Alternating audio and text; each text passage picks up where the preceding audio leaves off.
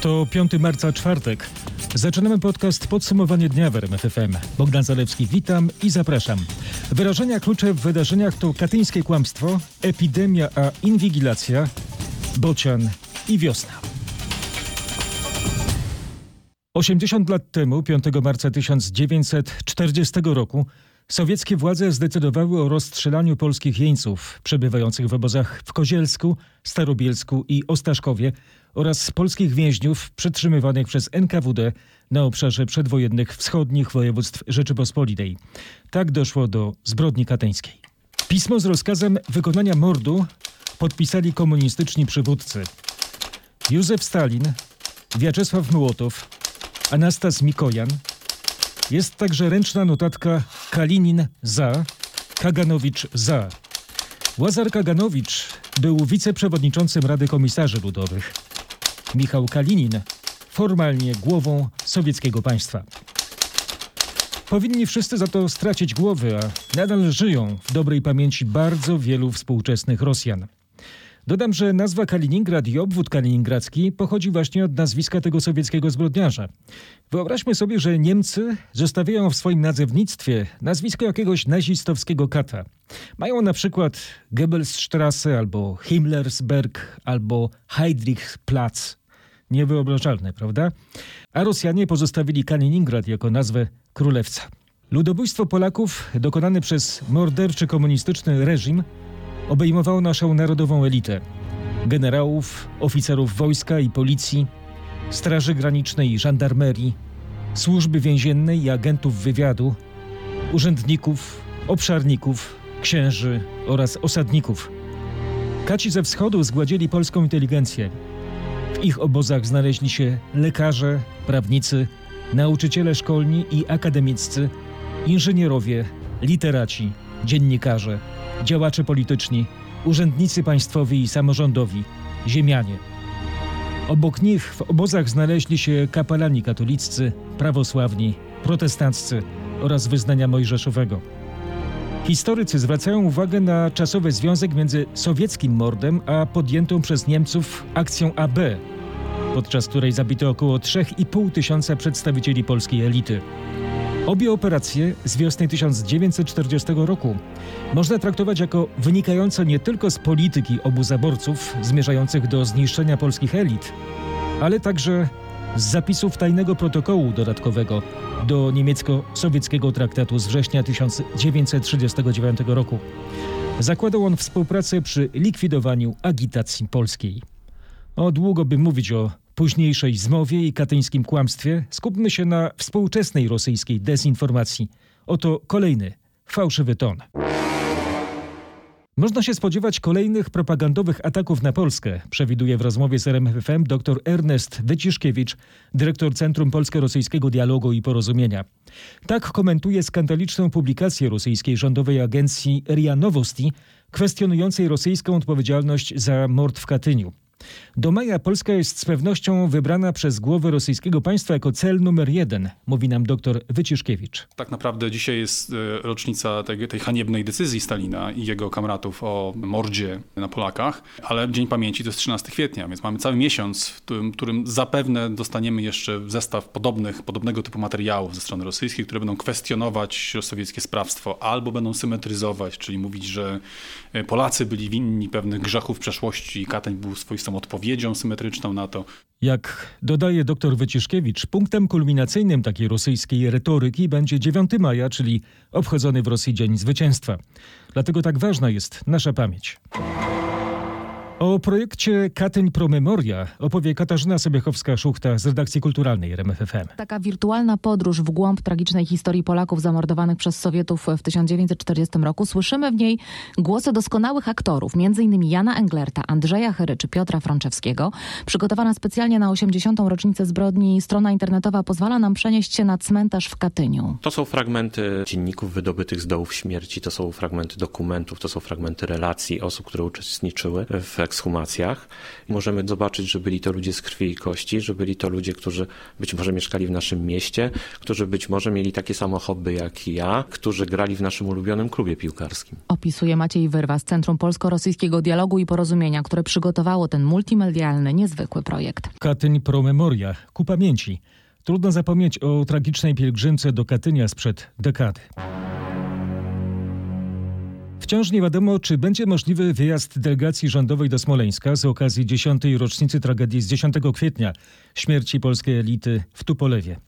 Przedstawiciele kancelarii premiera są w Rosji. Toczą się rozmowy z Rosjanami i Białorusinami, ujawnił szef kancelarii prezesa Rady Ministrów Michał Dworczyk. W tej chwili jesteśmy na etapie analizowania możliwości. Dopiero jeżeli będziemy pewni, że zorganizowanie takiego wyjazdu w sposób bezpieczny i profesjonalny jest możliwe, zapadnie decyzja, czy ten wyjazd się odbędzie, jeśli tak, to właśnie w jakiej formule i wtedy na pewno Państwa o tym poinformujemy. Pod koniec lutego rosyjskie Ministerstwo Spraw Zagranicznych zadeklarowało, że udzieli niezbędnej pomocy przy zorganizowaniu obchodów w Smoleńsku. To jednak, jak słychać, kwestia przyszłości. To podsumowanie dnia w RMFFM, 5 dnia marca i temat, który od tygodni jest na czołówkach mediów na całym świecie. Troje kolejnych pacjentów trafiło w czwartek na oddział zakaźny Zielonogórskiego Szpitala z podejrzeniem koronawirusa. Lekarze czekają na wyniki pobranych od nich próbek. Wcześniej dziesięcioro pacjentów, w tym czteroosobowa rodzina z Międzyrzecza w Lubuskiem, opuściło ten sam oddział. Stwierdzono u nich przeziębienie lub grypę. W Zielonej Górze jest nasz reporter Mateusz Chłystun. Co z pacjentem, u którego potwierdzono obecność koronawirusa? Stan mężczyzny się poprawia, co najważniejsze nie gorączkuje. Lekarze stosują u niego terapię taką samą jak w przypadku grypy. Nie wiadomo jednak kiedy 66-latek z Cybinki będzie mógł opuścić szpital. Wykonamy badania i potem ocenimy jego stan zdrowia na tyle, żeby mógł pójść do domu. Wyjaśniał dziś dr Jacek Smykał, kierownik oddziału zakaźnego szpitala w Zielonej Górze. Placówka zapewnia, że jest gotowa na przyjmowanie kolejnych pacjentów, ale jej zarząd alarmuje o kończących się zapasach materiałów ochronnych dla personelu i pacjentów. Bardzo byśmy prosili o uruchomienie tych środków wreszcie, a nie tylko mówienie o tym. Mówił prezes szpitala Marek Działoszyński. Wojewoda lubuski zapewniał dziś, że przekazał wnioski szpitali z regionu do Ministerstwa Zdrowia. Myślę, że w najbliższym i bardzo krótkim czasie te pieniądze trafią do województwa lubuskiego. Mówił dziś na konferencji prasowej Władysław Dajczak. Z Zielonej Góry Mateusz Chłystun. Posłuchajcie, co mówią ludzie w Cybince, gdzie mieszka chory mężczyzna. Zwykły dzień, praca, obowiązki domowe i nic więcej. A co będzie, to czas pokaże. Są jakieś obawy? No troszkę może tak, no bo każdy ma rodziny i dzieci są gdzie indziej. A wie pani, jak to przyjdzie, no to porozdzielane wszystko będzie, tak? Ludzie troszeczkę są wystraszone, bo to jest pierwszy przypadek tu na naszym terenie w ogóle, na naszym terenie, w ogóle na terenie Cybinki. To jest pierwszy przypadek, który zaistniał takie, taki. Dzieci się bawią na placu zabaw, pani jest spokojna. Nie jestem spokojna, czemu mam nie być? Było już tyle przypadków przecież tych tak grypia i co? Przeżyli, my teraz też przeżyjemy. Nie ma obaw. W gdzie życie toczy się bez większych przeszkód, była reporterka RMF Max Dorota Wleklik. Wszystkie kluby parlamentarne deklarują współpracę z rządem przy zwalczaniu koronawirusa. Będziemy organizować regularne spotkania i przekazywać informacje opozycji, zapowiada szef kancelarii premiera Michał Dworczyk. Od poniedziałku do każdego klubu parlamentarnego codziennie rano będzie przesyłany biulet- biuletyn informacyjny z najważniejszymi e, informacjami. Liczymy na lepszą współpracę także na szczeblu samorządowym, mówi wiceszef PO Tomasz Siemoniak. Te podziały polityczne, które są w Polsce, nie powinny wpływać na współpracę wojewodów z samorządowcami. E, Premier zapewnił, że e, takie sygnały wojewodom e, przekaże. Lewica zgłosiła szereg własnych pomysłów na walkę z koronawirusem. Między innymi rozstawienie środków dezynfekcyjnych na wszystkich posterunkach policji, czy zmianę przepisów dotyczących poczty, tak by nie karać za nieodbieranie przesyłek podczas kwarantanny. Jeśli kwarantanną obejmowane są całe rodziny osoby, która miała styczność z osobą zakażoną koronawirusem albo mogły mieć taki kontakt, to dzieje się to ze względów społecznych, a nie medycznych. Osoba w kwarantannie jest zdrowa i aż do wystąpienia potencjalnych objawów nie można ograniczać wolności kolejnych osób. Tak mówi rzecznik głównego inspektora sanitarnego Jan Bondar. Może się tak zdarzyć, że niestety wszyscy domownicy no, będą unieruchomieni. I Głównym, ale głównym argumentem za tym nie są kwestie medyczne, tylko kwestie społeczne. To, że na przykład w jakiś sposób ta informacja przedostanie się, tak? Bo ktoś powie, że Iksiński jest poddany kwarantannie. Nie wyobrażam sobie w takiej sytuacji, żeby dzieci tego Iksińskiego mogły pójść do szkoły. To lepiej, żeby one zostały w tym domu, nie ze względów medycznych, tylko ze względów społecznych. Niestety obserwujemy no, dużą dozę takiego niepokoju społecznego. Zapamiętajmy, co mówi rzecznik Głównego Inspektora Sanitarnego podkreślam, cały czas mówimy o osobie zdrowej. Nawet jeśli ta osoba zdrowa e, zmieni swój status na osobę podejrzaną, to my zdążymy objąć kwarantanną ich domowników, zanim oni staną się zakaźni dla otoczenia. Podkreśla Jan Bondar. Minister zdrowia Łukasz Szumowski przyjeżdża w piątek do Brukseli z zamiarem podpisania porozumienia o wspólnych unijnych zakupach w razie pandemii. Nasza korespondentka w Brukseli, Katarzyna Szymańska-Borginą, jako pierwsza alarmowała, że Polska nie uczestniczy w tym mechanizmie, który ma zapewnić wszystkim krajom Unii równy dostęp do środków ochrony osobistej czy szczepionek. Już ponad 95 tysięcy ludzi na całym świecie choruje na koronawirusa. W Europie największe ogniska choroby są we Włoszech, Francji i Niemczech. Za chwilę przekażę kolejny dramatyczny raport ze świata. Na naszym kontynencie szczególnie sytuacja w Italii budzi przerażenie. Najpierw jednak zajrzyjmy do Europarlamentu. Tam szefowa Europejskiego Centrum do Spraw Zapobiegania i Kontroli Chorób, ECDC, Andrea Amon, zakomunikowała, jak może się rozwijać sytuacja w Unii.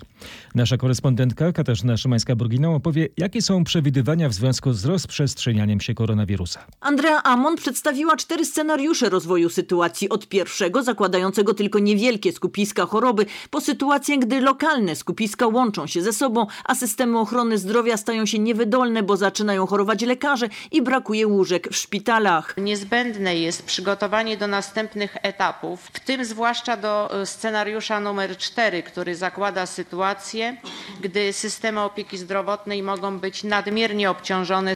Apelowała eurodeputowana PiS Joanna Kopcińska. Na pewno nie da się wszędzie uniknąć tego najgorszego scenariusza, przyznała szefowa ECDC. Zapewniła jednak, że unijne instytucje i kraje Unii robią wszystko, by spowolnić rozprzestrzenianie się koronawirusa i zapobiec zapobiec pandemii. Oto raport ze świata. Wizyta przywódcy Chin Xi Jinpinga w Japonii została przełożona, by oba kraje mogły skupić się na walce z epidemią nowego koronawirusa. W Chinach kontynentalnych, gdzie znajduje się pierwotne ognisko epidemii, potwierdzono już ponad 80 tysięcy infekcji i ponad 3 tysiące zgonów. W Japonii potwierdzono ponad 1000 przypadków zakażenia, w tym około 700 osób z wycieczkowca Diamond Princess. W kraju odnotowano 12 przypadków śmiertelnych. Do 148 wzrosła we Włoszech liczba osób, które zmarły z powodu koronawirusa. Poinformował w czwartek rządowy komisarz do spraw kryzysu Angelo Borelli. To oznacza, że w ciągu doby zanotowano 41 kolejnych zgonów. Zarażonych jest obecnie około 3300 osób. Pierwsza osoba zmarła w Wielkiej Brytanii z powodu koronawirusa, podała w czwartek po południu stacja BBC. Ofiara śmiertelna to starszy pacjent, który miał także inne problemy zdrowotne. W związku z koronawirusem sesja Parlamentu Europejskiego w przyszłym tygodniu odbędzie się nie we Francji, lecz w Belgii. Zaplanowany na 5 kwietnia maraton w Paryżu, który jest jedną z największych imprez biegowych na świecie, został przełożony na 18 października. Coraz więcej środków prewencyjnych przeciwko koronawirusowi wprowadza się w Hiszpanii. Przykład? Bazylika w Madrycie odwołała tradycyjne całowanie stóp cudownej figury z XVII wieku, które miało się odbyć w piątek. Arcybiskup Madrytu zwrócił się do wiernych o dostosowanie się do rekomendacji służb sanitarnych. Z powodu epidemii koronawirusa branża lotnicza w tym roku może utracić nawet 113 miliardów dolarów przychodów. Tak wynika z analizy Zrzeszenia Międzynarodowego Transportu Lotniczego. To jest kryzys, ocenił dyrektor generalny Zrzeszenia. Ceny akcji linii lotniczych spadły o prawie 25% od czasu wybuchu epidemii. Około 21 punktów procentowych więcej niż spadek podczas kryzysu SARS w 2003 roku. A oto odpowiedź na słabnący globalny popyt na paliwa z powodu epidemii koronawirusa. Ministrowie ropy z krajów OPEC zgodzili się w Wiedniu na obniżenie produkcji surowca o 1,5 miliona baryłek dziennie. O tym, że będą to rekomendować także krajom spoza tej grupy, poinformował irański minister Bijan Namdar Zanganeh. W rozmowach OPEC Plus w stolicy Austrii nie bierze udziału rosyjski minister energii. Aleksander Nowak odmówił w środę poparcia tak mocnego cięcia dostaw ropy. Przedstawiciel Rosji ma się pojawić w Wiedniu w piątek.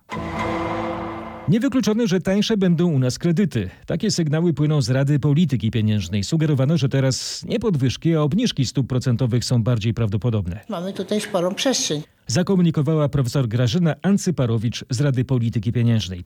Nasz dziennikarz Krzysztof Brenda rozmawiał z analitykami. Krzysztofie, kiedy i o ile może być taniej? Kiedy na pewno nie prędko Rada Polityki Pieniężnej jasno mówi, że jej celem jest utrzymanie obecnego poziomu stóp, czyli oprocentowania kredytów na obecnym poziomie. Ale jeżeli z powodu koronawirusa pojawią się objawy kryzysu, to stopy zostaną obniżone. Specjaliści mówią, że możliwe byłoby nawet wtedy obniżenie nam rat kredytów złotowych średnio o 100-200 zł. Gdy tak się stanie, to skończy się obecna sytuacja polegająca na podnoszeniu przez banki kosztów kredytu i utrudnianiu nam dostępu do nich. Banki coraz bardziej ograniczają dostępność kredytów hipotecznych. Obecnie, żeby uzyskać kwotę 300 tysięcy złotych, średnio potrzebny jest dochód na poziomie 5873 zł netto. Tak mówi analityk Ekspandera Jarosław Sadowski. Gdy stopy zostaną obniżone, sytuacja się poprawi. Wróćmy jeszcze do koronawirusowej profilaktyki. Miejskie Przedsiębiorstwo Komunikacyjne w Krakowie wprowadziło nowe zasady czyszczenia pojazdów. Specjalnymi środkami dezynfekowane są m.in. poręcze czy przyciski, informuje Marek Gancarczyk z krakowskiego MPK. Poza bardzo dokładnym myciem i sprzątaniem tramwajów i autobusów, każdy pojazd o zjeździe do zajezdni będzie także dezynfekowany. Dezynfekowane będą wszystkie poręcze, wszystkie uchwyty, wszystkie przyciski, ale także kasowniki i automaty biletowe. Poza tym dezynfekowane są także automaty biletowe stacjonarne, które stoją na ulicach miasta. Biblioteka publiczna w Zielonej Górze wprowadziła pomiar temperatury dla wchodzących do budynku gości. To jednak nie efekt potwierdzonego w tym mieście przypadku koronawirusa, pierwszego w naszym kraju. Procedury bezpieczeństwa w holu obowiązywały już kilka dni wcześniej. Jeśli u któregoś z wchodzących potwierdzi się wysoka temperatura, otrzyma maseczkę i zostanie skierowany do pomieszczenia, w którym zaczeka na służby sanitarne. Wypełniamy w ten sposób zalecenia WHO w zakresie zapobiegania koronawirusowi, mówi w rozmowie z naszym reporterem dyrektor administracyjny biblioteki. Przekraczamy drzwi. Gdzie teraz możemy i powinniśmy się kierować? Powinniśmy się udać do ochrony. Ochrona ma na wyposażeniu apteczki bezdotykowy y, termometr do pomiaru temperatury ciała. Portiernia kilka kroków od wejścia. Pytamy o możliwość zbadania temperatury. Panie Zbyszku, chcielibyśmy, żeby pan takiego kontrolnego y, pomiaru dokonał. Jest fiolecik, zaraz będzie. O, po długim sygnale, proszę bardzo. Wzorocowo. 36,7. Panowie, a powiedzcie, przychodzą tutaj chętni, żeby się badać? Sporadycznie, ewentualnie sami e, zachęcamy. Niektórych jak tam pokasują albo jakiś zakatarzeni. Usłyszał nasz reporter od dyrektora Bogusława Adamczewskiego i portiera pana Zbyszka w Bibliotece Publicznej w Zielonej Górze. E, Posłuchajcie, jak to się robi w państwie środka. Al Jazeera donosi, że władze w Chinach nasilają inwigilację i wprowadzają nowe narzędzia sztucznej inteligencji w celu zwalczania śmiertelnej epidemii. Pracownik kolei siedzący przy wejściu na dworzec Chengdu wpatruje się w ekran wyświetlający obrazy w podczerwieni ludzi przechodzących przez bramę stacji. Obok obrazu przechodnia pojawia się temperatura ciała, a to sprawa, że moje życie jest o wiele łatwiejsze, powiedział pracownik stacji. Wcześniej musiałbym przetestować temperaturę każdego za pomocą termometru dousznego, a nie zawsze to działa. Pytanie, czy taki system inwigilacji pozostanie, kiedy epidemia już minie? Będę powracał w kolejnych podcastach do konsekwencji koronawirusa. Właśnie takich konsekwencji. Rosnącej kontroli społecznej, z której nie wszyscy zdajemy sobie sprawę.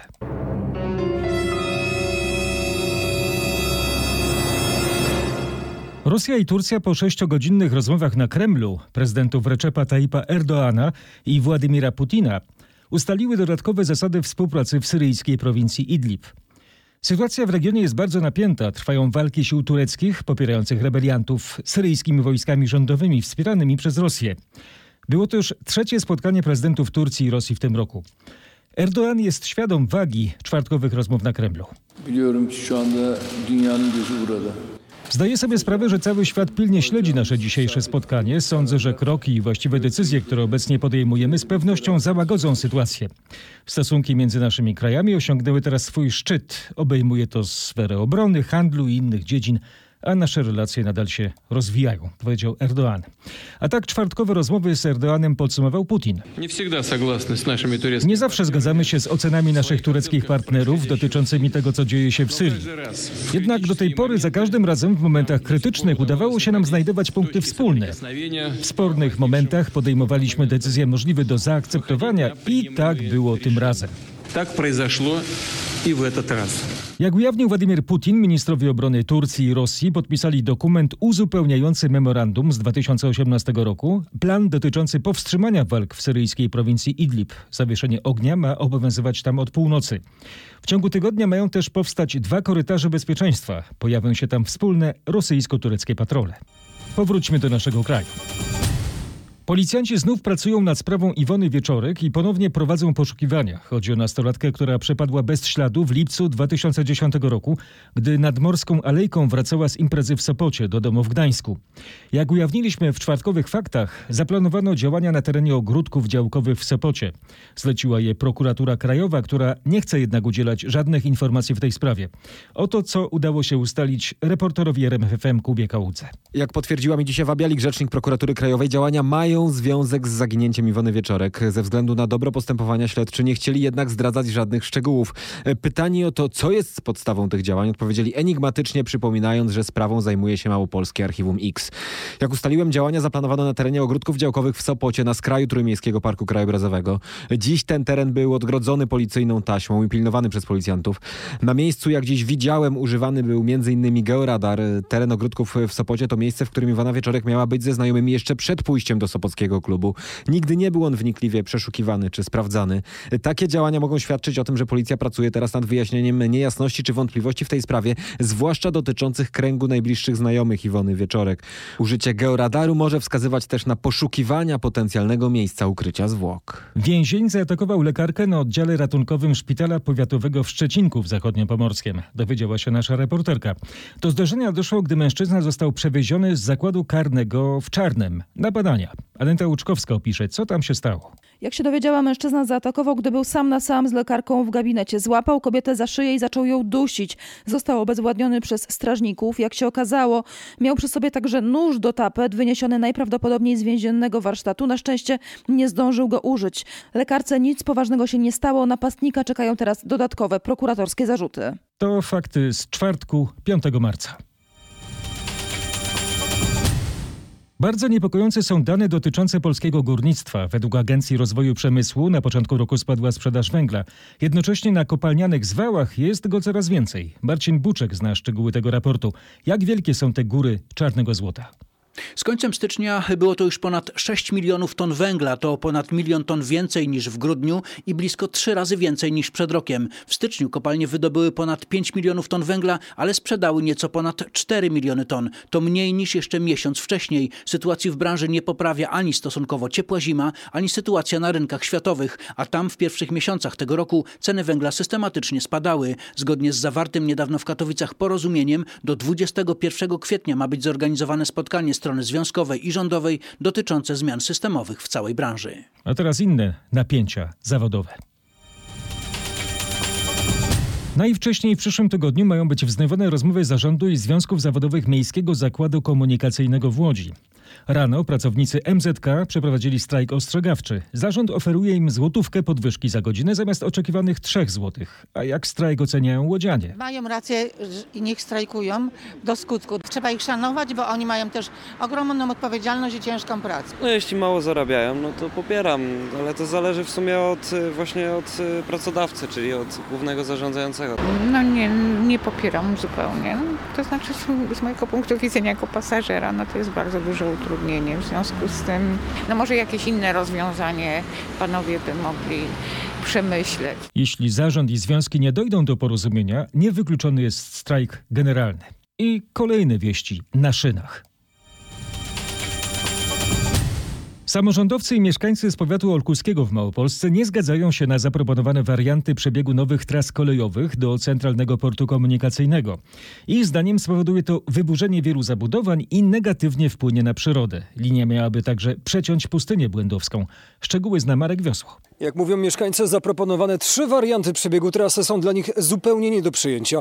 Lokalni samorządowcy apelują o zmiany wariantów i sami proponują nowe. Inwestycja miałaby też przeciąć pustynię błędowską. Może mieć to nieodwracalny wpływ na przyrodę, mówi Ada Słodkowska-Łabuzek z Regionalnej Dyrekcji Ochrony Środowiska w Krakowie. Do nas oficjalnie nie wpłynęły jeszcze żadne wnioski, natomiast rzeczywiście wiemy o tym, że są takie plany i przebieg tych linii kolejowych poprowadzony jest przez tereny cenne przyrodnicze. One są na przykład wielkoobszarowe, ale są takie miejsca, które bezwzględnie powinny być omijane. Konsultacje w sprawie nowych połączeń potrwają jeszcze do 10 marca, jak twierdzą przedstawiciele spółki odpowiedzialnej za budowę CPK. Zaproponowane warianty to na razie propozycje, mogą one ulec zmianie i właśnie po to organizowane są konsultacje społeczne. W podcaście Tory Wyborów. Znamy hasła wyborcze kolejnych dwóch kandydatów walczących o fotel prezydenta. Zaprezentowali je Krzysztof Bosak i Szymon Hołownia.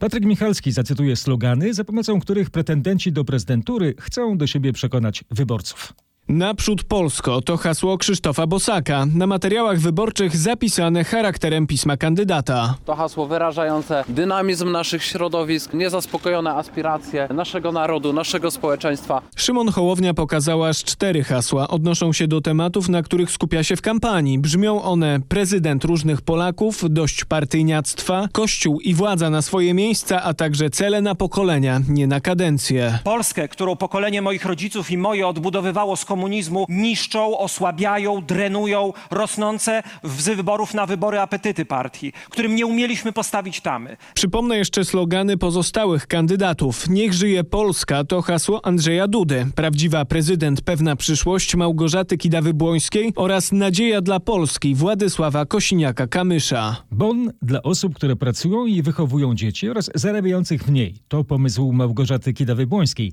O szczegóły pytaliśmy Elżbietę Łukacijewską ze sztabu wyborczego kandydatki PO. Żeby wprowadzić swoje e, propozycje e, w czyn trzeba wygrać kampanię wyborczą. Nie, i trzeba zostać- powiedzieć, co się i chce zrobić, pani poseł. zrobić- Proszę wytłumaczyć. e, Przede, przede wszystkim. Po, po pierwsze trzeba nagradzać tych, którzy, e, którzy pracują, a nie, nie e, tylko rozdawać. Świetnie, to już usłyszałem. Chcę I- i dowiedzieć wiemy, się, co to i jest gdy- za bon i, i- co to jest za konkretna propozycja. i- Dla kogo, ile, e, na jakich warunkach? Proszę pana, ja nie jestem kandydatem na prezydenta, nie chciałabym e, tutaj e, wychodzić przed szereg. Pozostawię to bez komentarza. Po prostu posłuchajcie całej rozmowy Marcina Saborskiego z Elżbietą Łukacijewską na rmf24.pl. Nasz dziennikarz jak zwykle był do wywiadu doskonale przygotowany. A teraz wybieramy kierunek Waszyngton. Elizabeth Warren po porażce w super wtorku kończy swoją walkę o partyjną nominację demokratów. Nasz korespondent w Waszyngtonie Paweł Żuchowski opowie, kto pozostał w wyścigu. Walka o to, kto zmierzy się jesienią w wyborach prezydenckich z Donaldem Trumpem rozegra się więc między Joe Bidenem a Bernie Sandersem. Wczoraj z walki zrezygnował z tych samych powodów miliarder Michael Bloomberg, który popiera Bidena. Niewykluczone, że Warren poprze w tej sytuacji Sandersa. Swoimi poglądami bliżej właśnie do niego niż do byłego wiceprezydenta Stanów Zjednoczonych. Przed nami kolejne prawybory w następnych stanach, a w lipcu dowiemy się, kto otrzyma partyjną nominację i właśnie jesienią będzie walczyć o prezydenturę z Donaldem Trumpem. W podcaście Rywalizacja sportowa. Monika Honisz-Starenga, mimo dwóch pudeł na strzelnicy, zajęła w Nowym Meście dziewiąte miejsce w sprincie biatlonowego Pucharu Świata. W Czechach zwyciężyła Denise Herman. Honisz-Starenga po raz siódmy w sezonie znalazła się w czołowej dziesiątce. Fajnie jest notować rezultaty w top dziesiątce. To daje na pewno dużo motywacji i jeżeli robi się to kilkukrotnie w ciągu sezonu, to na pewno samej sobie potwierdzam, że nie jest to przypadek. Mówiła Monika Hojnisz-Starenka, Kinga Zbylut, Magdalena Gwizdoń oraz zastępująca kontuzjowaną Kamilę Żuk Anna Mąka zajęły odległe lokaty. W Zakopanem rozpoczęły się pierwsze konkurencje ogólnopolskich zimowych Igrzysk Olimpiad Specjalnych. Zawodnicy i zawodniczki z niepełnosprawnością intelektualną startowali w konkurencjach biegowych na nartach i rakietach śnieżnych. Pod wrażeniem ich zaangażowania było wielu znakomitych sportowców, w tym znana himalaistka Kinga Baranowska. Jak tam było? Dobrze. Na trasie? Super. Ciężko, ale dałeś radę. Tak. Oj, to są takie fajne emocje sportowe. Mi się wydaje, że ten uśmiech, który widać u nich na twarzach, to on się nam po prostu bardzo udziela. Ja dopędziłaś wiele zawodniczych. Tak. I wyprzedziłam wszystkie, jakie były. Z przyjemnością się patrzy, jak oni pokonują trudności, bo dla nich trudnością jest to, że się potknie na własnym kijku, przewróci, ale on wstaje. Mały był wypadek z Olą, ale to nic. Tutaj nie mówimy o najlepszych i najgorszych. Wszyscy są mistrzami, bo są już na igrzyskach. Nasz reporter Maciej Pałachicki podkreśla, że w igrzyskach uczestniczy prawie pół tysiąca zawodników. W szkole podstawowej nr 3 w Piotrkowie Trybunalskim od miesiąca nie słychać dzwonków. Zamiast tego uczniowie i nauczyciele po prostu patrzą na zegarki. Mówi się, że czas to pieniądz, a w tym przypadku Inwestycja wynosiła złotych polskich 83, to znaczy kupiliśmy 10 zegarów, które dowiesiliśmy jeszcze na korytarzach szkolnych, ponieważ w salach lekcyjnych są zegarki. I nie było spóźnień, nie było tłumaczenia się albo nie było dzwonka. tłumaczy Izabela Winiarska, dyrektor szkoły. Nasza dziennikarka pytała uczniów Piotrkowskiej podstawówki, czy podoba im się to rozwiązanie. Tak, bardzo fajnie. Jest ciszej trochę na korytarzu, jest mniej tłoku. Jest mniej popychanek. Jest Ale dlaczego? Wytłumaczcie mi, jak to działa. po prostu każda klasa wychodzi w innym czasie. podstępie. Takich paru Jest o wiele ciszej. Nie tęsknicie za tym dźwiękiem? To się nazywa nie mieć serca do dzwonka. A teraz lekcja nauk historyczno-matematyczno-filozoficznych. Matematyczne zasady filozofii naturalnej, tak zatytułowane dzieło Isaaca Newtona, znalezione zostało w Ajaccio na Korsyce. To niezwykle rzadki i bardzo cenny egzemplarz z 1687 roku. Wielki fizyk tłumaczy tam odkryte przez siebie prawo powszechnego ciążenia. W grudniu 2016 roku jeden z egzemplarzy sprzedany został na licytacji za 3 miliony 700 tysięcy dolarów. Francuskim specjalistom udało się odtworzyć wodę kolońską, której Napoleon Bonaparte codziennie używał w czasie zesłania na wyspę Świętej Heleny. Jak donosi nasz paryski korespondent Marek Gładysz, do produkcji kosmetyków wykorzystano m.in. rosnące tam zioła. Składniki tej wody kolońskiej, m.in. rosnące na wyspie Świętej Heleny zioła oraz owoce i kilka kuchennych przypraw, odkryto już 30 lat temu w dokumentacji pozostawionej przez sługę obalonego cesarza. Okazało się, że wspomniany sługa wytwarzał wprost gigantyczne ilości tego pachnidła, bo Napoleon zużywał każdego dnia cały flakonik. Woda kolońska z wyspy Świętej Heleny przypominała pachnidła, których cesarz używał już wcześniej, nie tylko zresztą by się perfumować, według niektórych historyków pił też kilka kropel przed sławnymi bitwami. Cesarską wodę kolońską można już kupić w sieci, trzeba jednak wyłożyć blisko 100 euro. Czy wiecie, że naukowcy z Rockefeller University przetestowali zmysł węchu ludzi, używając różnych mieszanin zapachowych? Wyniki opublikowane w czasopiśmie Science mówią, że nos może wyczuć co najmniej bilion wyraźnych zapachów. Wiosną już pachnie, prawda? Pierwszy bocian przyleciał na Mazury. Ptak zajął gniazdo w Monetach koło Olecka. O, wiedział gdzie usiąść. W Monetach. W zeszłym roku pierwsze bociany też pojawiły się w tej miejscowości. To jest e, rekordowe stanowisko, bo i w zeszłym roku e, ptaki pojawiły się jako pierwsze w województwie. W zeszłym roku to był e, 8 marca, w tym roku e, czwarty. Także no, wygląda na to, że są pierwsze. Wiadomo skąd mogły przylecieć te ptaki? Tego nie wiemy, ptaki nie są oznakowane. Być może zimowały gdzieś bliżej, może nie są to ptaki, które zimowały w e, Afryce, ale pierwsze ptaki już przylatują e, do, do Europy, mijają Bosfor. Kiedy możemy się spodziewać tej największej fali? Połowa marca to powiedzmy już jest e, taki czas, kiedy należy się spodziewać pierwszych bocianów e, praktycznie w każdym powiecie. Z Sebastianem Menderskim z Polskiego Towarzystwa Ochrony Ptaków rozmawiał nasz reporter Piotr Bułakowski. O, jedna jaskółka wiosny nie czyni, a bocian, prócz dzieci, przynosi nadzieję, że już niedługo wiosna nadejdzie. Z koniem do pubu to możliwe chyba tylko w Anglii. W jednym z lokali na zachodzie kraju codziennie pojawia się kucyk szetlandzki. W jakim celu? A to już wyjaśni nasz korespondent Bogdan Frymorgan. Kucyk nazywa się Patryk i codziennie wychyla szklaneczkę Guinnessa. Wchodzi do pubu z właścicielem i natychmiast staje się obiektem zainteresowania gości. Przy okazji przyzwyczaja się do hałasu i ludzkiego dotyku, nie bez powodu. Patryk będzie pracował z dziećmi i dorosłymi, ponieważ obcowanie z kucykami ma właściwości terapeutyczne, zapewnia jego właściciel. Nikt ze stałych bywalców pubu w Devon nie ma zastrzeżeń do obecności kucyka przy barze. Co więcej, za kilka dni właśnie tam będzie obchodził swe drugie urodziny na specjalnie zorganizowanej dla niego imprezie. Zaraz, zaraz, ten konik jest niepełnoletni. Z takimi nałogami niekoniecznie będzie dobrym przykładem dla dzieci. No jeśli słuchacie tego podcastu, a jeszcze lepiej jeśli go subskrybujecie, to jest to zdrowy konik. Namawiam do takiego hobby. To było podsumowanie dnia w RMF FM, 5 dnia marca, w czwartek. Zapraszam na piątek. Bogdan Zalewski.